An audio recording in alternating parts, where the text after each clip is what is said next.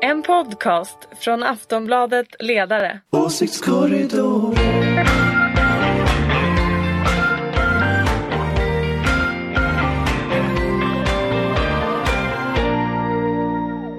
Hej och välkomna till ett nytt avsnitt av podden Åsiktskorridoren. På något sätt fortsätter ju politiken mitt i den sociala distanseringen, vaccinförberedelserna och det allmänna decembermörkret. Så hur den är, vi har precis som vanligt massor att prata om. Eh, med mig finns också precis som vanligt eh, Ulrika Schenström, superpoddare, moderat och chef för den gröna och liberala tankesmedjan Fores. Så är det. Hej hej, här är jag. Jopp. Lina Stenberg, Aftonbladets ledarredaktion och socialdemokrat. Hej hej. Och Anders Lindberg som är politisk chefredaktör för Aftonbladet. Hej hej. Jag heter Ingvar Persson och jag jobbar ju i vanliga fall också på ledarredaktionen. Eh, men idag ska jag försöka leda den här podden på ett eh, alldeles opartiskt och mycket eh, rättvist och riktigt sätt. Som sagt, vi, vi tar itu med nyheterna direkt. Och jag tänkte vi måste ju ändå börja med förra veckans riktiga eh, politiska nördnyhet. SCB-siffrorna. Jag utgår från att hela panelen har eh, läst dem framlänges och baklänges och upp och ner. Fanns det någonting överhuvudtaget som överraskade dig Ulrika? Eh, nej. Jag tycker inte, nej jag tyckte faktiskt inte. Och sen, sen, har jag faktiskt, jag är visserligen en nörd och läser den här eh, mätningen varje gång den kommer upp och ner och fram och tillbaka. Men jag, jag den har haft fel så många, det är en stor eftersläpning på den också. Um, men um, nej, och det, det som väl sticker ut mest det är väl egentligen att Liberalerna liksom inte ligger på mer än 3 procent. Det, det där är ju politikens problembarn för närvarande får man väl ändå säga. Vad ska de göra? Och vi pratade om det i förra avsnittet. Och jag tror inte det finns något um, mirakelrecept faktiskt för dem, utan jag tror att det, det är fortsatt problematiskt och jag vet inte heller om de kommer att Alltså vågar man byta partiledare? Är det det som verkligen är svaret eller är svaret är att de faktiskt inte vet åt vilket håll de ska gå? Så Behövs de? Ja, svenska folket verkar ju inte tycka det, men eh, jag tror ju att det finns eh, plats för ett liberalt parti. Men det får ju Centerpartiet stå för då. Lina, var det något som överraskade dig? Alltså jag, jag, nej, jag, jag tänker att det är egentligen helt logiskt med tanke på var vi befinner oss just nu. Att vi är i en coronapandemis andra våg och att människor liksom agerar och, och ja, tänker utifrån det väldigt mycket. Och att egentligen skulle man väl kunna säga att ja, alltså Socialdemokraterna gick ju bakåt från en tidigare mätning, men den speglar ju att liksom socialdemokratin var väldigt ledande i första vågen och liksom kunde ena landet.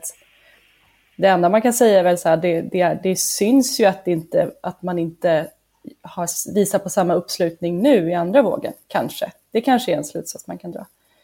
Eh, och sen tänker jag att ja, men, eh, Sverigedemokraterna har ju backat från tidigare mätningar tillbaka på valresultatet. Kanske är det bara deras kärnväljare, eller bara, de är ju ganska många, men det är kärnväljarna kvar eh, ja, det är också liksom andra vågen, en långdragen pandemi, populism är lite överflödigt just nu. Typ så. Anders? Nej, men jag vet inte riktigt. Jag, jag tänker, alltså den är inte förvånande i det som den visar att liksom Socialdemokraterna går bakåt lite, Moderaterna går framåt lite. SD går ju, ja, ligger ju väldigt lågt. Men, men det som jag funderar på det är liksom hur många av de här gamla sanningarna som egentligen gäller. Alltså normalt sett så borde ju oppositionen ligga väldigt mycket högre mitt i en mandatperiod. Eh, det är liksom nu man ligger som högst om man sen ska... Sen faller man ju i regel. Och det är ganska svårt att hämta upp röster under andra halvan av mandatperioden. Och en sån här conventional wisdom, om jag tittar på den här mätningen, den borde vara att Moderaterna kommer att förlora därför att de ligger för lågt, eh, deras block i relation till de rödgröna och eh, januaripartierna. En annan sån conventional wisdom som finns det är ju att eh, det är nästan omöjligt att vinna en tredje mandatperiod. Och de går ju lite mot varandra här. Men när man tittar på den här mätningen så slås jag i alla fall av att det, det, hur mycket av det där gäller egentligen? Alltså hur många av de här sanningarna eh, funkar när det är en coronaepidemi, när det har varit liksom en arbetslöshetskris som är på väg in som kommer att vara enormt stor. Eh, alltså jag, jag, tror att man jag tror man kommer att behöva liksom på något sätt muddle through. Man kommer att behöva lösa det här politiskt efterhand. För att kartan helt enkelt inte längre är giltig.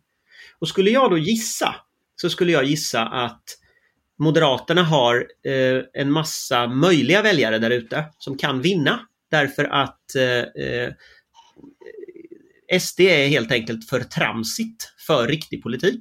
Så när riktig politik händer och det är farligt på riktigt, då får de svårt. Eh, så ju längre Corona drar ut på tiden, och det ser ut som att dra ut hela våren nu, kanske hösten också, så tror jag SD kommer att få ganska stora problem successivt. För att eh, jag tror inte deras väljare går tillbaka till SD, tror jag inte. Men jag tror de kan nog fördela ut sig på M och KD. Eh, så att jag tror nog att det här visar att M har en större uppgång. Det strider helt mot liksom conventional wisdom, men jag tror det. SD har inte lyckats hittills. De har liksom tramsat omkring i det här. Eh, och det, det verkar inte flyga. Men du talar om Moderaterna och deras block. Finns det ett sådant block? Alltså, vet vi hur blocken kommer att se ut eh, när valet ska inträffa? Och Ulrika? Alltså, jag tror att det finns ett sådant block. Jag tror dessutom att det finns, eh, det finns ett, så att säga, ett latent block och ett moderat block. Det finns ett M, KD, SD som finns. Som om de får majoritet i riksdagen så blir Ulf Kristersson eh, statsminister. Så det finns. Men jag tror att om Moderaterna går upp mot en 25 procent och SD går ner mot kanske en 15, då kommer inte Moderaterna vilja det. Då kommer Moderaterna vilja återupprätta alliansen, för då har de en chans plötsligt att liksom ha en riktig politik. Så att i takt med att Moderaterna blir större så tror jag att den här kartan som vi har vant oss vid de senaste två åren, den kan nog skaka rätt rejält. Jag skulle ju verkligen önska det här med alliansen, men jag kan säga så här då, då, då, måste man nog eh, gå en annan väg politiskt. Så att, eh, det, jag tror att det är omöjligt om man ska vara riktigt ärlig. Sen att det kan finnas vissa moderater som tycker att Alliansen, som, som jag, eh, kan tycka att det är en bra idé. Men eh, man har ju inte möjliggjort det rent politiskt. Så det, det, är ju bara någon, någon det, det, är ju, det, är ju, nästan uteslutet kan jag tänka mig. Ja, på sikt eh, menar jag att eh, det skulle kunna vara möjligt, men jag tror inte nu. Eh, finns det ett konservativt block? Jag vet inte riktigt vad är ett konservativt block. Jag hatar det här ordet konservativ. Konservativ för mig är det en man som Martin Tunström, en god man på Barometern som, som, som han är konservativ. Det här är ju, det här är ju radikala nationalistiska eh, dragningar, den här eh, konservat, så kallade konservativa blocket. Alltså vore jag konservativ skulle jag vara skitförbannad över det här. Men ja, i vilket fall som helst så ja, alltså finns det ett konservativt block då som det då kallas, även om jag börjar bli väldigt irriterad på att man kallar det för det. Ja, det finns väl några människor som tycker att det vore en fantastisk idé att ge Sverigedemokraterna inflytande. Det är väl de som vill ha det och det är väl därför det finns en liksom, diskussion om detta. Men eh, ja, och nu har ju ändå Ulf mm, liksom, sagt att han kan tänka sig att, förhandla och så vidare. Så att jag menar, ja, ja, så det finns ju ett konservativt block på det sättet. Absolut. Även om jag fortfarande är arg över att det heter konservativt. Men okej. Okay. Så är det Lina. Jag, jag är ja. lite arg idag. jag är jätteglad, så vi, vi jämnar ut varandra. Ja, nej men jag tänker att förutom då pandemin som präglar de här siffrorna så tänker jag att det också är, ju är januariavtalet. Att, eh, menar, om vi nu ska förstå exempelvis varför Liberalerna ligger på liksom, folkölsprocent eh, och också varför, ja men varför, tänker jag, varför Socialdemokraterna backar något så, så är det ju att det är, det är inte en, alltså, det är en sammanhängande massa av partier där alla liksom är, är, är i relation till varandra och ingen, alltså det är någon slags halvopposition i mitten och sen är det eh, ja, men regeringen som på något sätt är bakbundna. Och, men, så hela den där, vad ska man säga, det, det lilla, ja, den lilla omständigheten gör ju också att det här ser ut annorlunda, om, apropå det du sa Anders, om hur man normalt skulle se en mitten av en mandatperiod. För det är ju också en helt annorlunda typ av regeringsmakt vi ser nu. Det är inte regeringen som liksom i sig själva står för sin egen politik, utan vi har också liksom, som hela tiden har liksom ena benet i det här eh, januariavtalet som, som många då menar att ja, Socialdemokraterna tvingas driva mittenpolitik. Eh, och då kanske man också kommer tillbaka till det du sa Ulrika om att, eh, Eh, att alltså, ja, det kanske behövs ett liberalt parti, men om vi nu har en regering som, ja, man kan säga delvis då driver en sån politik så kanske inte Liberalerna behövs. Men, men jag, tänker att, jag tänker att det finns, eh, jag tänker att det blir lite omkastade roller mellan Ulrika och mig här också. För jag tror liksom lite mer på Moderaternas strategi än vad hon gör, vilket är lite intressant. Men, men jag tror ju att det där liberala i men man ska ju mitten ha som du med säger. folk också, Anders. Du ska ju ha med Jo, men jag, jag, tror att, jag tror att det liberala... Med tanke på att Moderaterna har lagt om sin politik, så varför skulle i så fall de andra vilja ha... Alltså, du, du, du... Nej, men jag, jag är med på det. Jag är med, jag, jag är med på allt det där och jag tror att du kan säkert komma att få rätt. Men jag tror att det där liberala i mitten som Lina pratar om är personer som är borgerliga. Det vill säga, de kommer inte att rösta på Socialdemokraterna. Och tittar vi på mätningen av Liberalernas väljare så ser vi att en ganska stor grupp där eh, vill ju, de kommer nog, om man tittar på liksom hur det här brukar utvecklas, och hamna hos Moderaterna. Och Moderaternas ambition, om de lyckas bli ett samlingsparti eh, och håller öppet åt båda håll, så kan de faktiskt spela de här korten. Jag läser ju deras parti, du, du läser ju idéprogrammet på ett annat sätt, men jag läser ju idéprogrammet lite som att man ändå försöker ha dörrarna öppna. både det är till en borgerlighet öppen, Men då kan man inte göra vissa eh, liksom, ställningstaganden politiskt. Men jag tycker det är rätt intressant. Alltså valet 2018 var ju ändå väldigt spännande, framför allt i Stockholms innerstad när jag höll på att- lusläsa hur folk hade röstat. Och där Strage, Strage-fenomenet faktiskt löser igenom. Att kvinnor, riskkapitalistiska kvinnor som bor i 200 kvadratslägenheter eh, och kör eh, sportbilar röstade helt plötsligt på, Sverige, eh, på Socialdemokraterna. Jag hade väldigt roligt på ett seminarium på eh, ABF-huset där jag eh, undrade hur, hur de här, de här liksom överklass och socialdemokraterna som man hade fått nu, hur man skulle kunna behålla dem. Och då kom ju värnskattens borttagande det blev lägre skatter och så, så att ni kommer ju aldrig bli av med dem Anders, det kommer ju bli jättesvårt. Fast, fast jag tror inte man ska underskatta det där i alla fall. Alltså därför att, därför att klassintresset ljuger aldrig som någon skulle sagt. Men, nej men jag tror ju någonstans, och jag, jag blev lite stärkt i det när jag såg att eh, Centern nu övergav de här ensamkommande eh, längs med landsvägen. Centern hade ju liksom ändå pushat fram att man skulle hjälpa de här ensamkommande. Nu dumpar man dem längs landsvägen. Och med en retorik som var liksom, vi skiter väl i det liksom, ungefär. Men, men Anders, Eh, och, då tänker jag så här, ja, men hade de där Strage-väljarna funnits fortfarande, då Jo, hade de Centern inte dumpat dem. Men Så vi- det har hänt någonting Nej, nej, i men- opinionen. Men vi behöver inte bråka om det här, men jag tänkte bara säga det att det är faktiskt ganska intressant. Jag pratade med en person i förra veckan, en, en kamrat som inte har politisk bakgrund, som jag faktiskt inte har en aning om vad personen vanligtvis röstar på, även om jag vet att personen i fråga inte är socialdemokrat. Häromdagen så ringde hen till mig och sa, vad ska man rösta på? Alltså jag känner mer och mer att man borde bli socialdemokrat. Och jag sa, herregud, hur har du kommit dit? Nej, jag tror liksom att de här andra är bara pajasar. Och då tänkte jag, det här kanske är det nya, det nya svarta. Mm. Ja, men det, det har jag alltid tyckt i och för sig, så det, det stämmer ju bra. Och det har ju inte alltid hjälpt. men, men jag tror faktiskt, men jag vill ändå hävda att man inte ska underskatta det där. För att jag tror att vad, vad, vad, vad jag ser framför mig ändå, eh, när det gäller liksom de här gubbarna med keps som ändå Moderaterna brukade vinna och som dansar iväg till SD. De är väldigt arga nu på Stockholms innerstad och Miljöpartiet vet du. Ja, väldigt arga. Kepsgubbe är ju skitarg va. Så Absolut, gubbarna med keps är hela, jättearga. hela Moderata samlingspartiet bara för att de här cykelvägarna och de får inte köra runt med sina och du vet det här med Hornsgatan. Alltså, du vet, Ja. de, finns, ja, de bor i mitt hus. De bor, Ja, borde, men- det, är, det är dålig stämning bland dem. Väldigt dålig stämning. Absolut, men om man tittar på SCBn, om man inte bara tittar på din trappuppgång utan också Jo, på SCBn. nej, ja, och så igår är det ju inget bra för Moderaterna i Stockholms stad. Nej, men då ser vi samtidigt att det går inget bra för SD heller. Eh, Nej, men de, de bor man- ju i länet, inte i stan. Men drar man ut kurvorna från det här tillbaka till förra valet och drar ut kurvorna så är det ganska tydligt att SD har misslyckats med att få med sig det här. Och det öppnar faktiskt en möjlighet för de där människorna som bor i Stockholms innerstad. Även om de kanske förra gången några av dem röstade på sossarna så är Stockholmsregionen som helhet genuint borgerligt. Och de där kommer att fördelas om liksom i en slags borgerlig gegga De Men kommer inte att fördelas inte över till liksom den Moderaterna goda sidan. Och det tycker jag ändå är väldigt intressant. Något Därför säger mig det är att kepsarna, det är kepsarna som straffar Moderaterna för att de har gjort upp med Helldén. Men vi skulle kunna prata hela programmet om det här, men nu släpper jag det här och är tyst och sur igen. Nu är jag arg, arg.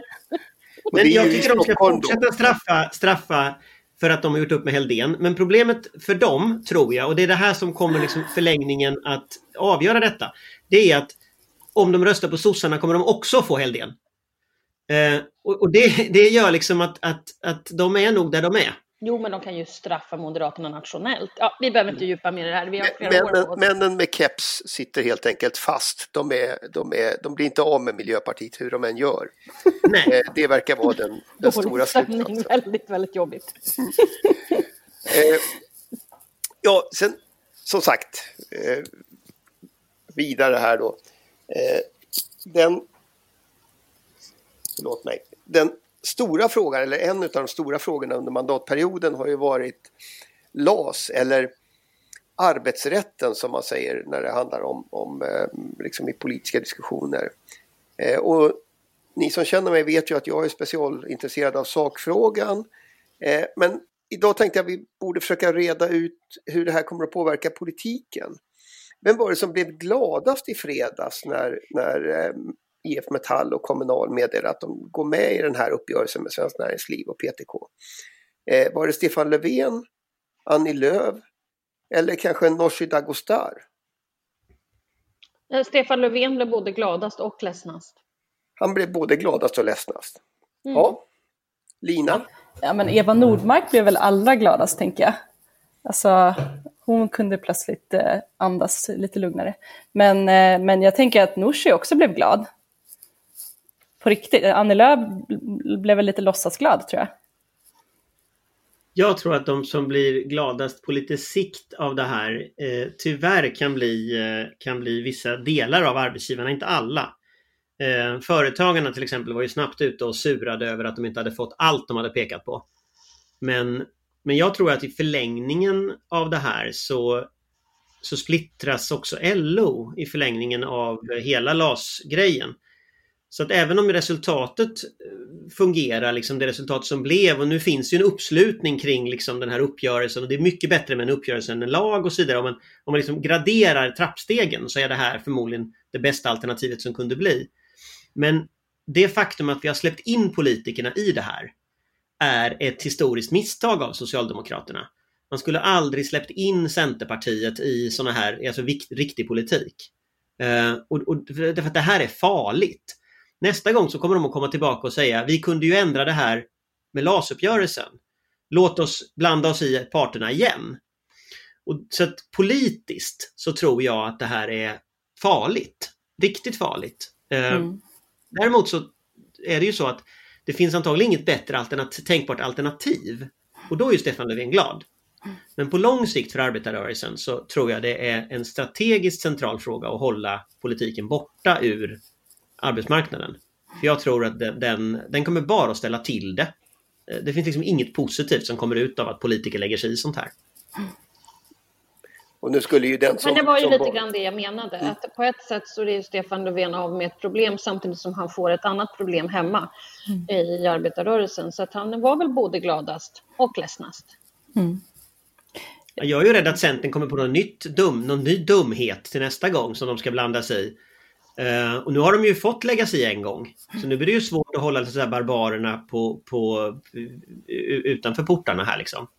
Jag tänker att det också handlar om, ja, men vad går, vad går liksom den röda linjen i vad, vad ja, men precis det, vad bör politiken blanda sig i och när har januariavtalet gått för långt? Och nu är det ju, kan vi inte backa bandet, men man kan ju verkligen undra om vi alltså, gick man inte för långt här? Alltså, borde man inte ha satt hårt mot hårt, just för att det på lång sikt faktiskt inte är någonting som, som kommer gynna arbetarrörelsen internt och inte heller kan man kanske säga de som nu är glada. Alltså de som nu har jublat efter den här uppgörelsen, eh, det vill säga F Metall och Kommunal, det är bra för dem kanske mer på kort sikt än på lång sikt också. Och, eh, det är ju olyckligt att, eh, ja men på det sättet har ju Centerpartiet lyckats slå in en kil väldigt, väldigt effektivt i arbetarrörelsen och ehm, ja, det är verkligen så. Frågan är vad, vad kan bli nästa sak som man också kan förstöra och eh,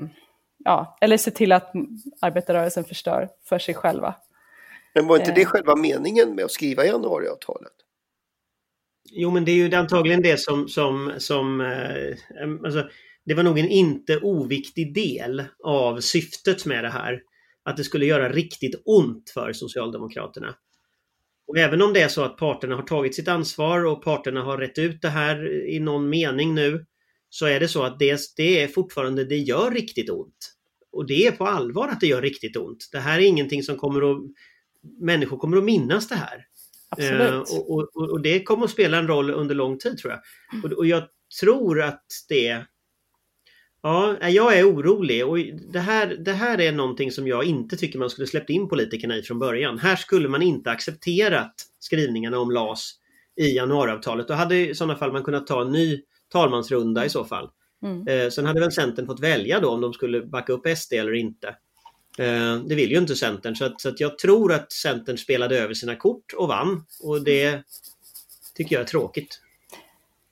Tycker du är Kort bara, ja, kort bara Lina. Eh, Du trodde att Nooshi, kanske Nooshi Dadgostar, Vänsterpartiets nya ledare, kanske var gladast. Eller åtminstone lite glad. Varför då? Ja, men därför att det här är ändå saker som hon har, liksom, hon är ny på sin post. Eh, hon, har, hon har drivit det här, hon har, hon har visat för, för sina medlemmar att, eh, att den här frågan är viktig. Eh, och, och också kanske varit den som då starkast stått upp för att det här ska skötas eh, ut, utan inblandning. Så att, eh, från politiken. Så att, så att på det sättet kan hon ju liksom gå tillbaka till sina medlemmar och säga att ser ni nu, eh, det här gick. Så jag tänker att va, va, va, ja, det är den första, den första liksom, som hon är inblandad i som partiledare. Som är, liksom, som är någonting som märks. Och så slipper hon välja mellan en regeringskris eller en svekdebatt. Precis, precis. Hon kan säga att hon, alltså de ändå hade, liksom, hade tänkt göra det. Alltså hon kan ju säga det, det kan ju bli en, bli en berättelse som man, som man ger till sina eh, väljare. Men, eh, men det här blev en ganska enkel väg ut. Så. Okej, vi ska försöka hinna med en fråga till. Eh, I svensk politik just nu, vid sidan av pandemi och, och vaccinationer och allt sånt där, så handlar det ju väldigt mycket om skolan just nu.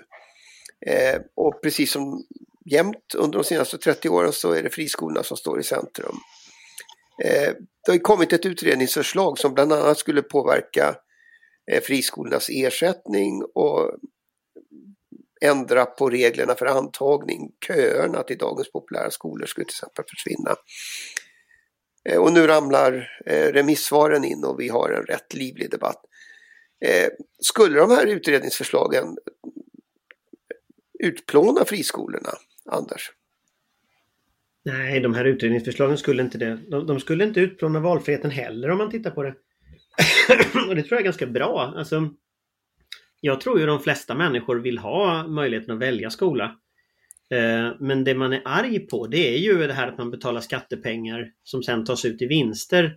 Ehm, och jag tror den här vinstproblematiken har ju massa dimensioner. En dimension det är ju att det lockar till sig aktörer som man egentligen inte vill ska vara i skolan. För de är inte intresserade av utbildning, de är intresserade av att göra vinst. En annan del är ju att pengar försvinner från verksamheten. Så det tror jag det är människor är arga på. Jag tror det är ganska få som egentligen är upprörda över möjligheten att välja skola.